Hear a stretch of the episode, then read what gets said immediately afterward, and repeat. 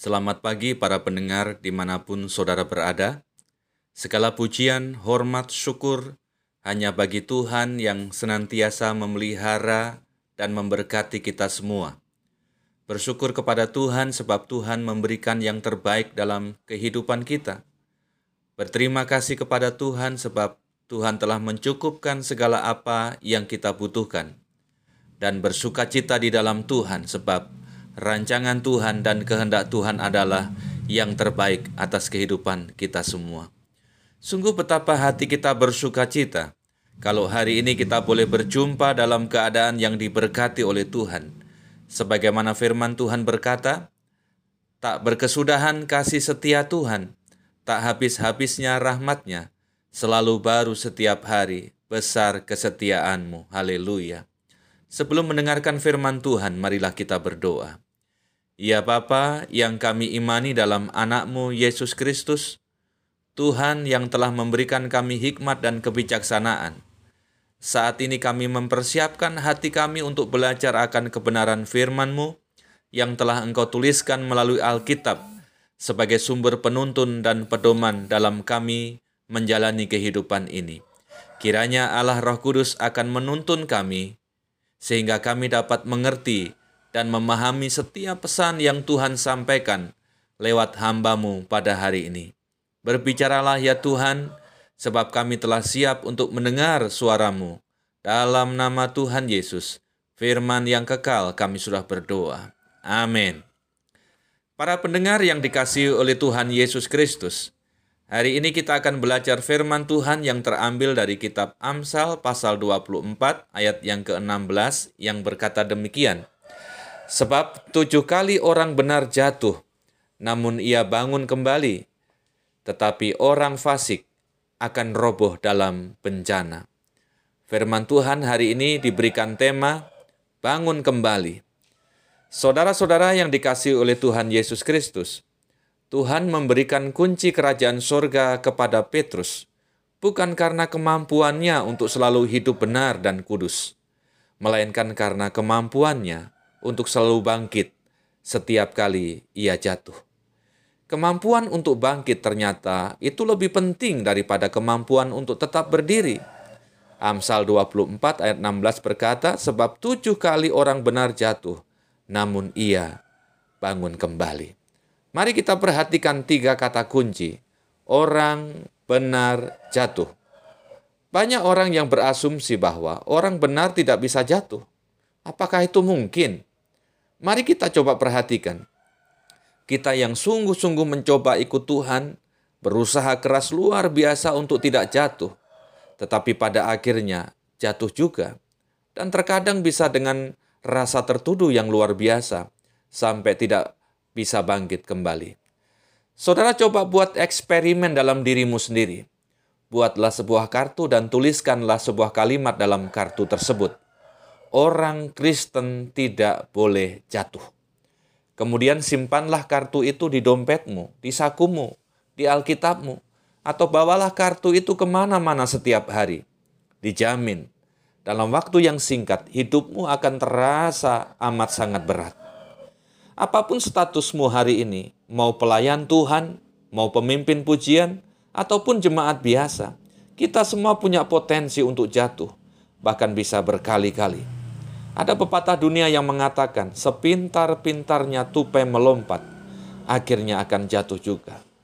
Pepatah ini memang benar, sebab sehebat-hebatnya makhluk hidup di dunia ini tanpa terkecuali, tidak ada yang kebal, pasti semua pernah terjatuh. Saudara yang sama dikasih oleh Tuhan, mengikut Tuhan itu bukanlah urusan yang mudah untuk dimengerti, tapi setidaknya kita bisa mengambil satu kesimpulan – mengikut Tuhan itu bukan tentang jatuh atau tidak jatuh. Nah, coba sekarang Anda membuat satu kartu bertuliskan, mengikut Tuhan bukan tentang jatuh atau tidak jatuh, tapi tentang mengakui kejatuhanku dan mengizinkan Tuhan untuk menolongku. Tentu ini akan menjadi sebuah kartu yang jauh lebih ringan di sakumu daripada kartu sebelumnya. Rasul Yakobus memberikan nasihatnya dalam kitabnya Yakobus 3 ayat 2 berkata, We all stumble in many ways. kita semua tersandung dalam banyak hal. Tidak mengapa kalau kita terjatuh. Terjatuh bukan karena disengaja atau disadari. Asalkan kita mau kembali kepadanya dengan hati yang tulus, bersedia untuk diubahkan kembali dan minta kekuatan untuk bangkit, maka melalui itu semua kita akan mendapat hubungan yang lebih dekat dengan Tuhan. Tuhan itu tidak pernah menginginkan kita untuk menyerah. Kita tahu bahwa ada pengharapan tanpa batas dalam Kristus. Sebagai anak-anak Tuhan yang punya pengharapan, tidak seharusnya kita mudah jatuh, frustasi, menyerah, dan kemudian kalah. Orang benar boleh jatuh berkali-kali, tetapi harus tetap bangkit dan kemudian menjadi pemenang, bahkan lebih dari pemenang. Seperti ada tertulis, oleh karena engkau kami ada dalam bahaya maut sepanjang hari kami telah dianggap sebagai domba-domba sembelihan, tetapi dalam semuanya itu kita lebih daripada orang-orang yang menang. Roma 8 ayat 36 dan 37. Tentu saja ada rasa sakit ketika kita terus-menerus bertemu dengan kegagalan. Tetapi jangan jadikan itu sebagai sesuatu yang traumatis, kemudian membuat kita sulit untuk bangkit karena terus terbelenggu dengan masa lalu. Jadikan kegagalan itu sebagai sebuah pelajaran yang berharga, dan jadikanlah itu sebagai titik tolak untuk kita bangkit kembali. Rasul Paulus pernah berkata demikian dalam kitab 2 Korintus pasal 4 ayat 8 dan 9. Dalam segala hal kami ditindas namun tidak terjepit. Kami habis akal namun tidak putus asa. Kami dianiaya namun tidak ditinggalkan sendirian kami dihempaskan, namun tidak binasa. Sebuah perkataan yang menunjukkan sebuah mental baja yang tidak mudah menyerah. Kita tahu bagaimana beratnya pergumulan Paulus setelah ia bertobat. Ia pernah dilempari batu, menghadapi badai besar dalam salah satu pelayarannya, ketika melayani, di penjara, dianiaya, dan lain-lain sebagainya penderitaan yang sudah Paulus lalui. Bagaimana Paulus bisa mencapai pola pikir seperti itu? Di dalam ayat yang ke-10 dikatakan, kami senantiasa membawa kematian Yesus di dalam tubuh kami, supaya kehidupan Yesus juga menjadi nyata di dalam tubuh kami. Yang dimaksud Paulus dalam ayat 10 ini, dia jelaskan pada ayat yang ke-17, berkata demikian. Sebab penderitaan ringan yang sekarang ini mengerjakan bagi kami kemuliaan kekal yang melebihi segala-galanya, jauh lebih besar daripada penderitaan kami. Segala penderitaan yang dialami oleh Paulus dan rekan-rekan sepelayanan belumlah sebanding dengan penderitaan yang dialami Yesus dalam menebus dosa-dosa manusia. Dan penderitaan itu semua masih terbilang ringan jika dibandingkan dengan kemuliaan kekal sebuah kebahagiaan yang luar biasa dan abadi sifatnya yang dijanjikan oleh Tuhan. Dengan dasar demikian, Paulus dan rekan-rekan sepelayanannya tidak merasa tawar hati, bahkan menghadapi maut sekalipun. Sebab itu kami tidak tawar hati, tetapi meskipun manusia lahiriah kami semakin merosot, namun manusia batiniah kami dibaharui dari hari ke sehari. Penderitaan boleh datang, kegagalan boleh hadir dalam hidup kita, tetapi semuanya itu bukanlah akhir dari segalanya, melainkan sebuah awal untuk belajar melangkah dalam proses perjalanan hidup kita untuk mencapai yang namanya kesuksesan. Dalam kitab Filipi, Paulus mengungkapkan sebuah tips penting dalam menjalani kehidupan ini.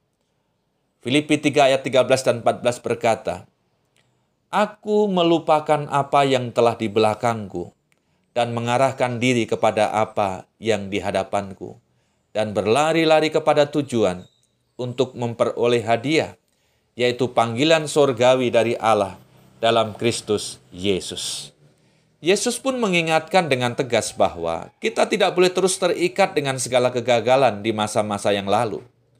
Yesus berkata dalam Lukas 9 ayat 62, setiap orang yang siap untuk membaca tetapi menoleh ke belakang tidak layak untuk kerajaan Allah. Jangan menyesali kegagalan dan masa lalu Anda secara berlebihan. Apalagi jika itu mendatangkan frustasi hingga kemudian kita menyerah. Jadikanlah semuanya itu sebagai titik awal sebuah proses belajar menuju keberhasilan. Dan jadikanlah itu semua sebagai pelajaran untuk bersandar kepada Tuhan. Mulailah mengandalkan Tuhan dalam segala segi kehidupan kita. Ketika kita terjatuh saat ini, Jangan patah semangat, karena Tuhan punya rencana luar biasa dalam hidup kita semua. Ayo bangun, ayo bangkitlah kembali. Belajarlah dari kegagalan dan jadikanlah itu sebagai awal ke kesuksesan kita semua. Amin. Mari kita berdoa. Bapa kami yang bertahta di dalam kerajaan sorga, kami bersyukur karena hari ini kami telah belajar kebenaran firman-Mu yang memberikan kami kekuatan iman untuk kami boleh bangun dan bangkit kembali dari tantangan maupun pergumulan hidup yang sedang kami hadapi saat ini. Kami tahu bahwa Engkau Allah yang senantiasa menopang dan memelihara kehidupan kami semua. Olehnya Tuhan, ajarlah kami untuk tetap setia dan memegang teguh janjimu. Sebagaimana mentari yang bersinar setiap hari, itulah janji penyertaan Allah bagi kami umatmu. Mohon berkatmu bagi semua pendengar di mana pun berada. Apabila ada di antara kami yang sedang dalam pergumulan, ada di antara kami yang sedang mengalami tantangan hidup, biarlah kiranya Tuhan akan memberikan solusi dan jalan keluar. Ketika kami dalam keadaan sakit, dalam keadaan lemah tubuh, kiranya Tuhan akan melawat kami, menjamah kami dengan kuasamu, dan memberikan kami kesembuhan.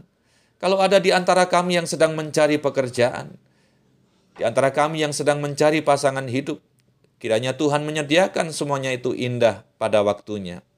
Kami yang saat ini sedang bersyukur karena bertambahnya usia maupun pencapaian-pencapaian yang lainnya, kiranya Tuhan menerima ucapan syukur kami. Terima kasih ya Tuhan, terpujilah namamu, sebab Engkau Allah yang layak untuk kami puji. Maka sekarang, saudara-saudaraku yang kekasih, arahkanlah hatimu dan terimalah berkat Tuhan. Tuhan memberkati engkau dan melindungi engkau. Tuhan menyinari engkau dengan wajahnya dan memberi engkau kasih karunia. Tuhan menghadapkan wajahnya kepadamu dan memberi engkau damai sejahtera mulai dari saat ini, esok dan sampai selama-lamanya. Selamat pagi, saudara-saudara semua. Selamat beraktivitas, tetap semangat, dan Tuhan Yesus memberkati kita semua. Amin.